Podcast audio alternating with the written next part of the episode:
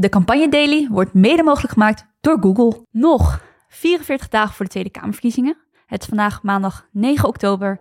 Mijn naam is Lin en leuk dat je weer luistert naar de campagne Daily. Het was geen idee van op één, denk je? Dat denk ik niet. In het omzicht die maakt zichzelf schaars en die gaat dan voorwaarden stellen aan uh, zijn eventuele komst.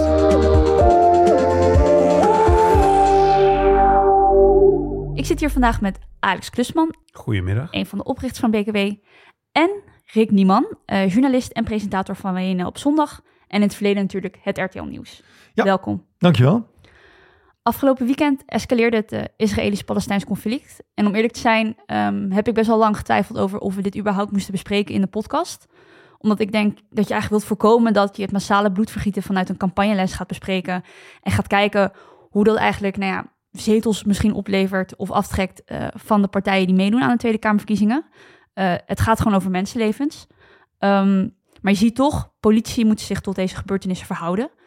Uh, wellicht onvrijwillig, maar de situatie vraagt er ook om. Um, Alex, wat zie, wat zie jij op dat gebied gebeuren? Hoe kijk jij daarnaar? Um, wat je, ik ben het helemaal eens. Ik vind het een hele mooie introductie die je geeft. Mm -hmm. En wat je ziet gebeuren is dat uh, lijsttrekkers, juist als je anderhalve maand voor de verkiezingen zit, niet stil kunnen blijven en niet stil willen blijven ook. En de, de een in mijn optiek doet het veel uh, netter en uh, menselijker dan de ander. We kunnen daar voorbeelden van geven. Ik denk dat veel mensen het zelf ook wel gezien hebben. Maar het is ontegenzeggelijk onderdeel van de. Het wordt ontegenzeggelijk onderdeel van de campagne. Omdat het zo'n uh, impact niet alleen op dat gebied heeft, maar ook veel verder in Europa, in de Verenigde Staten. Dus je kan er ook niet voor weglopen. En daar kan je zeker je vraagtekens bij zetten hoe je daarop reageert en of je er zo snel op moet reageren. En ik ben ook heel benieuwd hoe Rick dat dit weekend heeft gedaan uh, bij jouw uitzending. Mm -hmm. Waar je best lang bij het conflict hebt stilgestaan. En je had natuurlijk ook een aantal lijsttrekkers. En hoe je die overgang ook maakt. Uh, nou ja, wij, toen we zaterdag zagen hoe groot het werd, hebben we besloten om een deel van de uitzending om te gooien. Een gast die al stond uh, af te zeggen en twee mensen uit te nodigen om over Israël te praten. Um, en we hebben toen echt ervoor gekozen om eerst het verhaal van wat er op dat moment aan de hand was te proberen te vertellen, omdat er nog ook heel veel onduidelijk was. Uiteraard ook gekeken naar wat er nu gaat gebeuren en zo. En de drie lijsttrekkers die we hadden, Dassen, Eertmans en uh, Marijnissen, om een reactie te vragen. En die gaven denk ik de reactie die je op dat moment, hè, 24 uur na uh, de, het uitbreken ervan kan verwachten. Netjes, terughoudend, stilstaand bij uh, dat er aan beide kanten heel veel mensenlevens gevallen zijn en, en gaan vallen. Doden bedoel ik. Ja, en dan, maar je ziet dat het gelijk gepolitiseerd. Want s'avonds zat ik naar op één te kijken en daar zat Dilan Jezelgoes, waarvan wie we weten dat ze heel erg pro-Israël is. Hè, toen ze nog raadslid was hier in Amsterdam, ging ze bijvoorbeeld bij Carmel, het Israëlische restaurant, langs als daar de ramen in waren gegooid. -hmm. Ja, en ik vond dat ze dat wel goed deed, omdat ze, bleef bij haar oude standpunt. Maar dan wordt het natuurlijk gepolitiseerd. Het, ja, en ze zit daar dan, zegt ze, als minister van Veiligheid en Justitie. Maar dat heeft natuurlijk niet zo heel veel Weet ik niet. Ze werd aangekondigd volgens mij als VVD-lijsttrekker. Maar goed, anyway, ze zit er natuurlijk Ja. als VVD-lijsttrekker. Dat is evident. En ze komt dan ook gelijk in een, in een discussie terecht met mensen die er anders in staan. En dat, daarom is jouw aankondiging ook heel goed. Het is zo lastig dit. Maar ja, het, je, dit gaat spelen. Dit, het speelt bijvoorbeeld ook, denk ik, binnen PvdA GroenLinks. Waarvan Zeker. Je, dat weet jij Ja. misschien Ja, meer ja van. nee, zeker. Je, je, al heel snel kwamen de, eh, de voormannen van die beide partijen, Timmermans en Klaver, met best wel ehm, duidelijke standpunten. Uh, en die vermoed ik gaat de komende weken nog wel spelen in die partij, uh, waar, waar niet iedereen even uh, pro-Israëlisch is als mm -hmm. misschien de, de tweets van Klaver en, en Timmermans doen. ja, en dit is natuurlijk gelijk het lastige aan, aan het conflict, dat het natuurlijk heel snel al pro-Israël, ja. heel pro-Palestina wordt geframed. Mm -hmm. En dat is ook een beetje waarom ik altijd mijn hart vasthoud om dit te bespreken. En ja. um, het vanuit die kant ook te bekijken, ook naar de amendementen die mogelijk worden ingediend vanuit uh, GroenLinks en PvdA. Het enige wat ik hierover te zeggen heb, is verder dat ik vooral gewoon heel erg mijn hart vasthoud. Want ik denk dat de escalatie die we zaterdag hebben gezien echt pas een begin is van ja. iets wat veel langer gaat duren. Um, en nou ja, gewoon ontzettend veel onschuldige mensenlevens ja, gaat kosten. Ja, um, dus ja, dat maakt me eigenlijk gewoon heel verdrietig. Ja, ons allemaal denk ik. Ja. Laten we maar snel naar omzicht gaan. Dan. Ja, want uh, op vrijdagavond uh, nou ja, hadden we het over iets heel anders. Namelijk uh, Omzicht, die, Pieter Omzicht van Nieuw Sociaal Contract, die met 20 kandidaat-Kamerleden in de Op1-studio zat. Goedenavond, de verwachtingen zijn hoog, de peilingen ook. Pieter Omtzigt is hier. En hij is niet alleen, hij heeft 20 kandidaat-Kamerleden voor zijn nieuw sociaal contract meegenomen. Wie zijn ze en wat willen ze? Wie zijn ze en wat willen ze? Um, mijn eerste vraag was eigenlijk gelijk toen ik dit zag, 20 mensen van de lijst eh, in de studio bij Op1. Verder geen andere gasten. De enige andere persoon die aan tafel zat was eh, ehm, Thomas Thomas, van van Groningen, Mhm. eh, de politieke duider van Op1. Eh, Rick, hoe kijk je daarnaar als journalist? Wat vind je van deze keuze? Nou, van de keu- ik, ik denk dat Omtzigt heel blij was. Ik denk dat heel veel andere politieke partijen met heel veel afgunst hebben zitten kijken. Want je krijgt een uur lang in hè, het belangrijkste, denk ik, praatprogramma van Nederland, eh, althans 's avonds, ehm, krijg je de tijd om dit helemaal uit de doeken te doen. Ik denk dat Omtzigt dat heel handig heeft onderhandeld. Want het was geen idee van op één, denk je? Dat denk ik niet. Nee, ik denk dat Omzicht die maakt zichzelf schaars en die gaat dan voorwaarden stellen aan eh, zijn eventuele komst. En ik denk dat hij dan zegt, ik wil heel veel tijd. Ik wil het liefst alleen aan tafel. Ja, alleen aan tafel is ook weer zo saai. Nou, ik kan iedereen meenemen. Ik weet niet hoe het precies gegaan is. Maar het is niet zo, denk ik, dat de op één redactie uit zichzelf heeft gezegd, zullen we het zo eens regelen. Maar Het is dit uniek? Is het wel eens eerder gebeurd? Nou, we hadden het er van tevoren even kort over. Dat, je- ja, het is eerder gebeurd, maar dan meestal na de verkiezingen. Als er is. ja, bij Paul Ja. Witteman zat een keer, geloof ik, de hele SP-fractie... toen Jan Marijnissen heel goed had gescoord aan tafel. Ehm, bij Galita Sofie niet zo heel lang geleden. Alle provinciale lijsttrekkers van de BBB, Van BBB, toen die gewonnen ja. hadden. Maar dat is na de verkiezingen. Ja. Dit is natuurlijk wel heel opmerkelijk van tevoren. Ja, want ik vind het wel opvallend. Het is dus voor de verkiezingen. Eh, hij zit ontzettend hoog in de peilingen. Eh, hij wordt eigenlijk als een koning behandeld. Mhm. Is toch eigenlijk on- oneerlijk, denk ik, ook voor de andere partijen? Het is oneerlijk, maar het gebeurt. Weet je, en hij bouwt de spanning zo knap op, vind ik. Eh, zelfs in die uitzending bouwt hij de spanning heel knap op. Eh, de, de, het voorstellen van, die, van de twintig mensen aan tafel duurde best lang. En ik merkte aan mezelf dat ik dacht, nou kom, kom, Ja, kom, we willen, kom op, we willen Piet, laat Pieter horen. Mhm. En dat, ook dat doet hij heel knap. En, en dan eindelijk mag hij zijn plannen uit de doeken doen. Of mag hij praten en, en vertellen. En dan, dan weet hij je ook, eh, ook vast te grijpen, vind ik. Ja. Nou, dat horen we zo terug eh, in eh, op één. Toen ik een paar jaar geleden begon over goed bestuur... en het programma op tafel legde met een grondwettelijk hof... en met een nieuw kiesstelsel... dan keek iedereen mij aan alsof ze water zagen branden... en zei, dit is totaal onmogelijk. Nee, maar mijn vraag En was... nee, ik, de vraag is, wil ik zoveel mogelijk zetels... of wil ik dat de dingen die voor Nederland nodig zijn uitgevoerd worden? En het is het tweede. Dus, ik, dus ik ben ontzettend blij wanneer al die andere partijen over bestaanszekerheid beginnen. Ik vind het geweldig dat zij nu ook zien dat dat een probleem is. En als zij daar ook goede ideeën en voor oplossingen voor hebben... dan ben ik niet te beroerd om te denken... hé, hey, dat wordt een fijne samenwerking. Oké. Nou, de vraag die natuurlijk op iedereen's lippen brandde was... nou, wat gaat er uiteindelijk in dat partijprogramma staan? Ehm, Pieter Omtzigt zegt heel duidelijk... het gaat mij niet eens per se om het zetelaantal... maar ik wil Nederland veranderen. Is dat wel zo? Hebben we meer geleerd van Pieter Omtzigt... naar het kijken naar eh, deze aflevering van Op1? Ja, dat denk ik wel. Want je gaat nog voorbij aan een stukje wat daarvoor zat. Waar eh, bij Pieter Omtzigt vrij lang werd doorgezaagd door Thijs en door eh, over zijn gedrag. Hè. We hebben allemaal de verhalen gehoord en gelezen dat hij heel erg boos kan worden. Dat hij eventueel met dingen gegooid zou hebben. Stond in de kant. Hij werd daar heel lang over doorgezaagd, maar hij kwam daar heel goed weg. Want hij zei, nou jongens, ja, ik ben wel eens boos geworden toen ik in mijn burn-out periode zat. Had ik het helemaal heel zwaar, want ik had het gevoel dat ik als enige tegen de hele wereld moest vechten. Tuurlijk ben ik kwaad geworden als ik daar mensen mee gekwetst heb. Spijt, ik, eh, spijt me dat. Maar de twee interviewers kwamen niet met concrete, harde voorbeelden eh, uit de eerste hand, of de tweede, maar dan met bijvoorbeeld een videootje erbij, van wat er gebeurd zou zijn. Ze hadden ook geen getuigenissen van mensen die zeiden dat ze gekwetst waren door omzicht of dat ze zich heel eh, onveilig voelden in zijn omgeving. Dus hij heeft ontkend dat hij het heel erg bond heeft gemaakt. En hij is er nu, denk ik, vanaf. Hij heeft dat, dat item besproken. En als niemand met andere verhalen komt, heeft hij dat van tafel geveegd. Dus dat is ook heel handig. Kan hij zich nu helemaal, denk ik, op de inhoud richten. Ja, en wat ik het boeiende vind aan... Misschien gaf hij niet tijdens die uitzending eh, zo vijf, zes punten die in zijn verkiezingsprogramma komen. Maar wat hij wel doet, is hij geeft aan hoe hij tot zijn ideeënvorming komt. En daarin verschilt hij volgens mij heel erg van de anderen. Dus hij, is niet met, hij zit niet met hapklare one-liners waar hij op het gebied van asiel een punt wil maken. Of waar hij op het gebied van bestaanszekerheid een punt wil maken. Maar dat is niet En- waar, toch? Hij zegt Nou toch ja, heel maar- duidelijk... Ik wil, vijf, ik wil alleen maar 50.000 Ja, migranten ja, maar toelaten. vervolgens neemt hij zoveel tijd om uit te leggen hoe, die, eh, hoe hij tegen asiel aankijkt. En weet dat op te delen in drie, in drie vormen van asiel. Eh, eh, de werkmigratie, de stu- studentenmigratie en de asielmigratie. Ehm, en hij neemt zoveel tijd daarvoor. Of dat nou gaat om kernenergie, asiel, bestaanszekerheid, bestuurscultuur. Hij neemt je helemaal mee in hoe hij al die jaren al hiermee bezig is. En, dat, en ik denk dat het, dat het bedacht is van hem. Hè? Ik denk dat dit strategie is van hem. Maar ik denk dat de... de En waarom dan? eh, omdat, hij, omdat hij, denk ik, aanvoelt dat eh, mensen behoefte hebben aan rust, aan uitleg, aan contemplatie. Aan dit, dat, het fragment dat je net laat zien, tekent dat. Volgens mij, hier snakken mensen naar. Dat hij niet zegt van nee, nee, ik wil de grootste worden. Nee, hij zegt, ik wil dat het land er beter, beter voor staat eh, over een tijdje. En Kijk, het grote verschil misschien is dat een mooie... Ja, en ik denk dus misschien een, mooie, een mooi bruggetje naar eh, jouw gasten van de, van de volgende dag op zondag. Kijk, wat, wat hij doet, hij, waar, waar ik Marijnes al een keer heb betrapt op het feit dat ze eigenlijk een beetje bozig zegt. Iedereen heeft bestaanszekerheid nu omarmd. Mhm. En ik roep dat al jaren. Zegt hij, fantastisch als andere mensen bestaanszekerheid omarmen.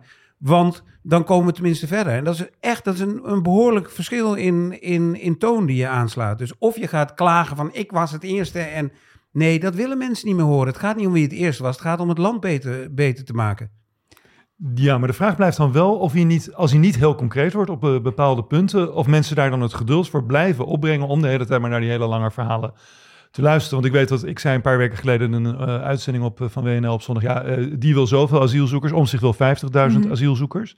Dan hangt hij overigens terecht binnen een paar uur aan de telefoon. Ja, want dat wil hij niet. Nee, omdat hij zegt 50.000 migranten Precies. netto. Dat was het weekend dat hij bezig was met de eh kandidatenselectie. Hij had wel iets anders aan zijn hoofd, zou je kunnen denken. Nee, Mhm. hij zit er wel bovenop, dus hij snapt zelf. Ja, en dus verandert hij het narratief ook op het gebied van migratie. Voilà, en dat het concretiseren daarvan wel degelijk heel belangrijk is. Dus ik ben benieuwd hoe dat de komende zes weken nog... eh Ik ben ook benieuwd. er nog zes? Ja, uit Ja, ja, zes. Ik vond dat Sven Kokkelman eh, het wel goed deed qua het kritisch pareren van eh, de punten die eh, Pieter Omzicht wilde maken op het gebied van eh, migratie.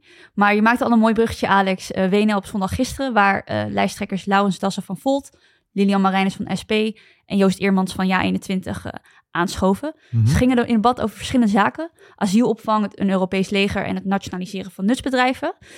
Maar de eerste vraag die ik had was eigenlijk, waar was Geert Wilders? Ja, omdat ik tegen jullie had gezegd van het zou goed kunnen dat Geert Wilders die achtste er is. Dus als ik dan de negende bij jullie zit, dan kan dat interessant zijn. Mhm. Nou ja, hij was er niet. Eh, en de reden is dat we alle lijsttrekkers ruim van tevoren gezegd hebben... willen jullie op zondag een keer langskomen? De meesten hebben snel gereageerd. Dus het eh, schema loopt dan vol richting de verkiezingen. We hadden op een gegeven moment alleen nog 8 oktober over. Wilders eh, gaf aan, nou, ik ben wel geïnteresseerd, ik wil eventueel wel komen. Maar niet alsmaar niks van zich horen. Dus hebben wij een harde deadline gesteld, ik geloof afgelopen maandag, middernacht. Als je dan nog niks eh, van je hebt laten horen, dan kom je niet. En dan komt hij niet. Hij zei, het argument was te vroeg in de campagne. Ik had later willen komen. Ik denk wel dat toen hij zag wat het nieuws was dit weekend, we hadden het over het politiseren Mhm. van de aanval eh, van Hamas op Israël en het, eh, en het antwoord. Mhm. Ik denk dat hij zich nog een keer achter de oren heeft gekrapt Ja, en gedacht had van ik had er wel graag willen zitten om heeft. keihard los te kunnen gaan op Hamas. Ja, nou jammer dan. Ik, ik weet je, eh, de- de- zo, als het zo opportunistisch is, dan hoeft het voor mij ook niet. Want de- jij denkt dat het strategie is, toch Alex? Nou ja, ik denk dat het van tevoren strategie wa- van hem was om niet te komen. Maar ik denk dat hij met de wijsheid van nu, of zoals wordt gezegd, achteraf is mooi wonen. eh, dat, hij, eh, dat hij zich echt voor zijn hoofd slaat. En, eh, en zegt, oh, had ik daar maar gezeten.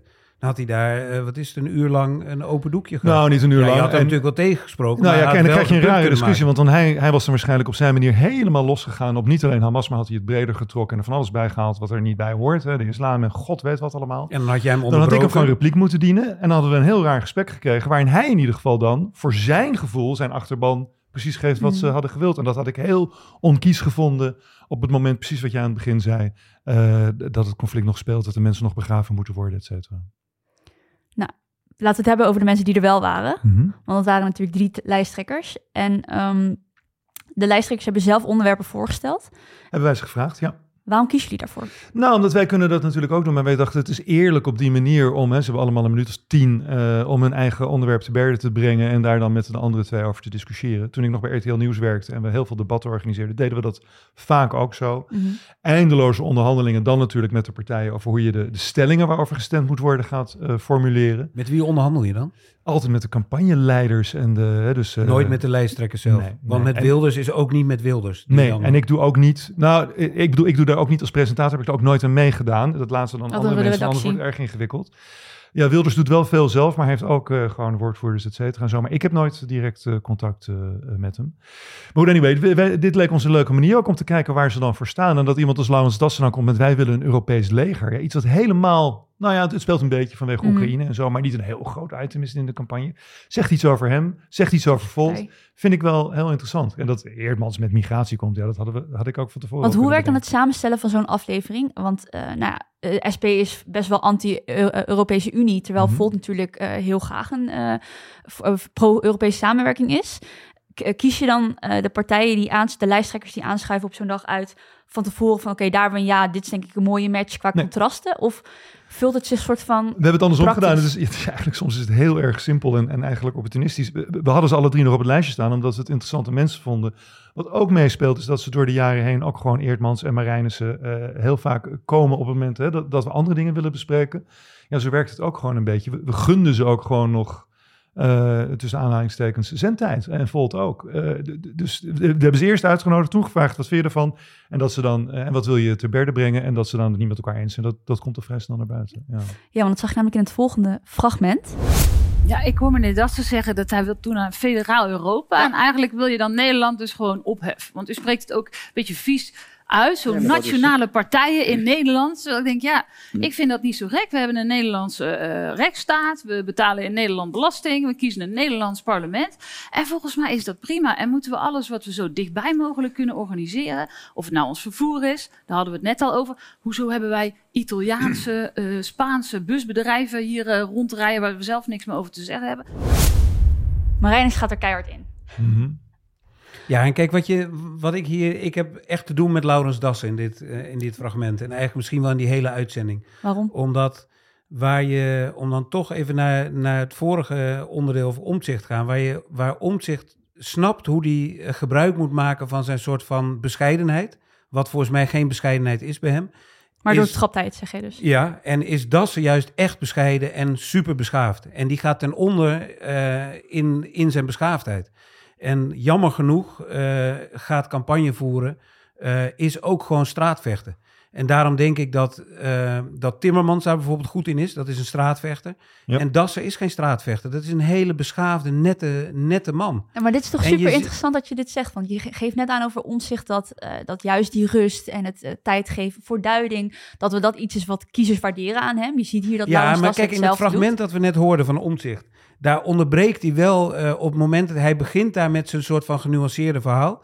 Eh, dan wil eh Kokkelman zeg maar onderbreken en dan zegt hij, ho, echt, hij, hij, hij roept hem tot de orde. Echt als een straatvechter zegt hij, hey, kappen nou, Mhm. ik ben aan het woord en ik ga mijn genuanceerde verhaal afmaken. Terwijl in dit fragment zie je Dassen, die zie je denken van, waarom word ik zo hard aangevallen? Dat is echt niet aardig. Weet je, bij mijn voetbalteam zeggen ze dan, oh, ik kreeg een duw. En dan moeten wij als coaches heel hard lachen en denken, ja, dan duw Ja, je toch terug. terugduwen. Maar dat doet Dassen niet. Hij is veel te beschaafd. Ik weet dat Marijnus dat een, keer gele- een, eh, een tijd geleden een keer bij ons in de uitzending. En toen had ze ook een verhaal als dit. En ik geloofde dat het Nij- het Nijbels was, die toch ook niet heel rechts is. Die toen tegen haar zei van, nou, als u uw plannen zo doorvielt, al dat nationaliseren, gaan we straks allemaal ook weer in maalpakjes lopen dan. Is makkelijk, allemaal hetzelfde, hetzelfde eh, shirtje aan. Ah, wat een flauwe grap, zei zij toen. Maar toen moest zij zich dus verdedigen. Das had hier anything kunnen zeggen. Hij zei alleen maar van, ik vind het kinderachtig. Kinderachtig. Jij kreeg een duw dat je dat zegt dat ik Nederland op wil heffen. Natuurlijk wil die Nederland niet opheffen. Maar misschien werkt het ook als een voordeel. Misschien zitten er ook mensen te kijken die denken, wat een fijne, genuanceerde, prettige man is dat. Maar ik denk dat Alex gelijk heeft. In een campagne moet je straatvechten. En dat gaan we nog veel meer zien de komende anderhalve maand. Want dat, ja, straks Frans Timmermans tegen Dylan Jesselkoes, die dat ook heel goed kan. Bijvoorbeeld in eh, het strijdtoneel op het hè, de treed. Ik ben heel benieuwd. Straatvechters. Was Nou, nou, je zag het eerst man Rick, jij, jij vertelde van tevoren even over je, je zielgoes bij op één gisteravond. Hm? Daar liet ze ook even haar, haar tanden zien toen Ja. ze niet uit mocht praten. Ja, ja, want vlak daarvoor had iemand anders, er, Berber, ik ben er achternaam even vergeten, oud diplomaten, die kreeg een vraag. Uri Rosenthal wilde antwoorden. Die Berber zei heel slim, de vraag was aan mij gesteld en geeft goed antwoord. Vervolgens kreeg uh, Jesselkoes een vraag. Zij wordt door die Berber in de reden gevallen en zegt keihard, nu ben ik aan het woord. Hard, duidelijk, pam, en maakt zijn punt af. Ja, dat soort trucjes moet je echt wel beheersen, wil je in een campagne jezelf staande houden En natuurlijk. wat is dan je rol als debatleider in zo'n uitzending? Ook bijvoorbeeld bij RTL Nieuwsdebatten. Hoe zorg je ervoor dat er enerzijds wel frictie is, maar anderzijds ook eh, momenten zijn waarbij eigenlijk alle lijsttrekkers hun podium kunnen pakken? Of denk je van nee, dit is helemaal niet mijn taak als eh, debatleider? Jawel, mijn belangrijkste taak is om achteruit te stappen en niks te doen. Jeroen Pauw kon dat ook altijd goed. Dan ging je naar het plafond kijken en dan bemoeide zich er niet mee. Maar het is wel cruciaal dat iedereen de ruimte krijgt om te praten. Ik vind het heel belangrijk dat iedereen evenveel tijd krijgt om te praten. En als je mensen hebt die alles continu domineren, dan is het mijn taak om die tot de orde te roepen. Maar verder zijn het volwassen mensen en moeten ze toch onderling vooruit kunnen zoeken. En wat ze ook heel vaak doen is weglopen bij het onderwerp. Nee, als wij het hebben over onderwerp X, dan blijven wij bij onderwerp X. Maar dat zijn eigenlijk mijn twee eh, enige taken als het goed gaat. Op welk gesprek verheug je het meest de komende weken? Nou, Timmermans wel. Vind ik wel heel interessant. Ik hoor jullie hier in de podcast bijna dagelijks roepen, waar is Frans? Nou, we gaan hem de komende tijd hopelijk vaker zien. Hij komt gelukkig ook bij ons langs. We hebben uh, ook nog eventjes reclame maken op 5 november. Het debat van de nummers 2. Dan hebben we zeven nummers 2 van de lijst. Dus Mona Keizer, Jan Paternotte, dat soort mensen mm. die langskomen met elkaar in debat te gaan. Wordt ook heel interessant. En komt koning Pieter nog? De bedoeling is van wel. We hebben nog niet helemaal in een steen gebeiteld dat hij komt. Maar er staat een datum voor hem open. En ik weet bijna zeker dat dat uh, rondkomt, ja. Koning Pieter. Benieuwd. Kijk heel erg uit naar deze straatgevechten. We houden het in ieder geval uh, in de gaten. Uh, dit zijn in ieder geval de definitieve lijsttrekkers van Volt SP en uh, Ja21. Want vandaag moesten de partijen hun definitieve kieslijsten met de kiesraad delen. Mm -hmm. um, dankjewel Alex, dankjewel Rick voor het aanschuiven. Graag gedaan. Dankjewel Lin. Vond het een erg leuke aflevering. Uh, kun je geen genoeg krijgen van de campagne Daily en wil je tijdens de uitslagenavond niet steeds verder zakken in je bank? Kom dan naar de grote uitslagenavond, uh, nee, de grote uitslagenshow, ik moet wel goed zeggen, in Tivoli Vredeburg in Utrecht op 22 november. Met politie, campagnegoeroes, uh, uh, politieke mini-colleges, live nieuwsdergs, muziek, noem maar op. Uh, we en gaan je er kan echt gewoon de verkiezingsuitzending volgen. Ja, we gaan eh, NOS eh, live eh, gigantisch screenen en je krijgt eh, alle minuut eh, duiding eh, van ons. Vergeet ons uiteraard niet te liken, volgen en vijf sterren te geven in je favoriete podcast-app. Morgen zitten hier Pelle, Isabelle Rade en Jurjen van den Berg, directeur van Progressieve Burgerbeweging De Goede Zaak. Dank jullie wel allemaal weer voor het luisteren en tot morgen.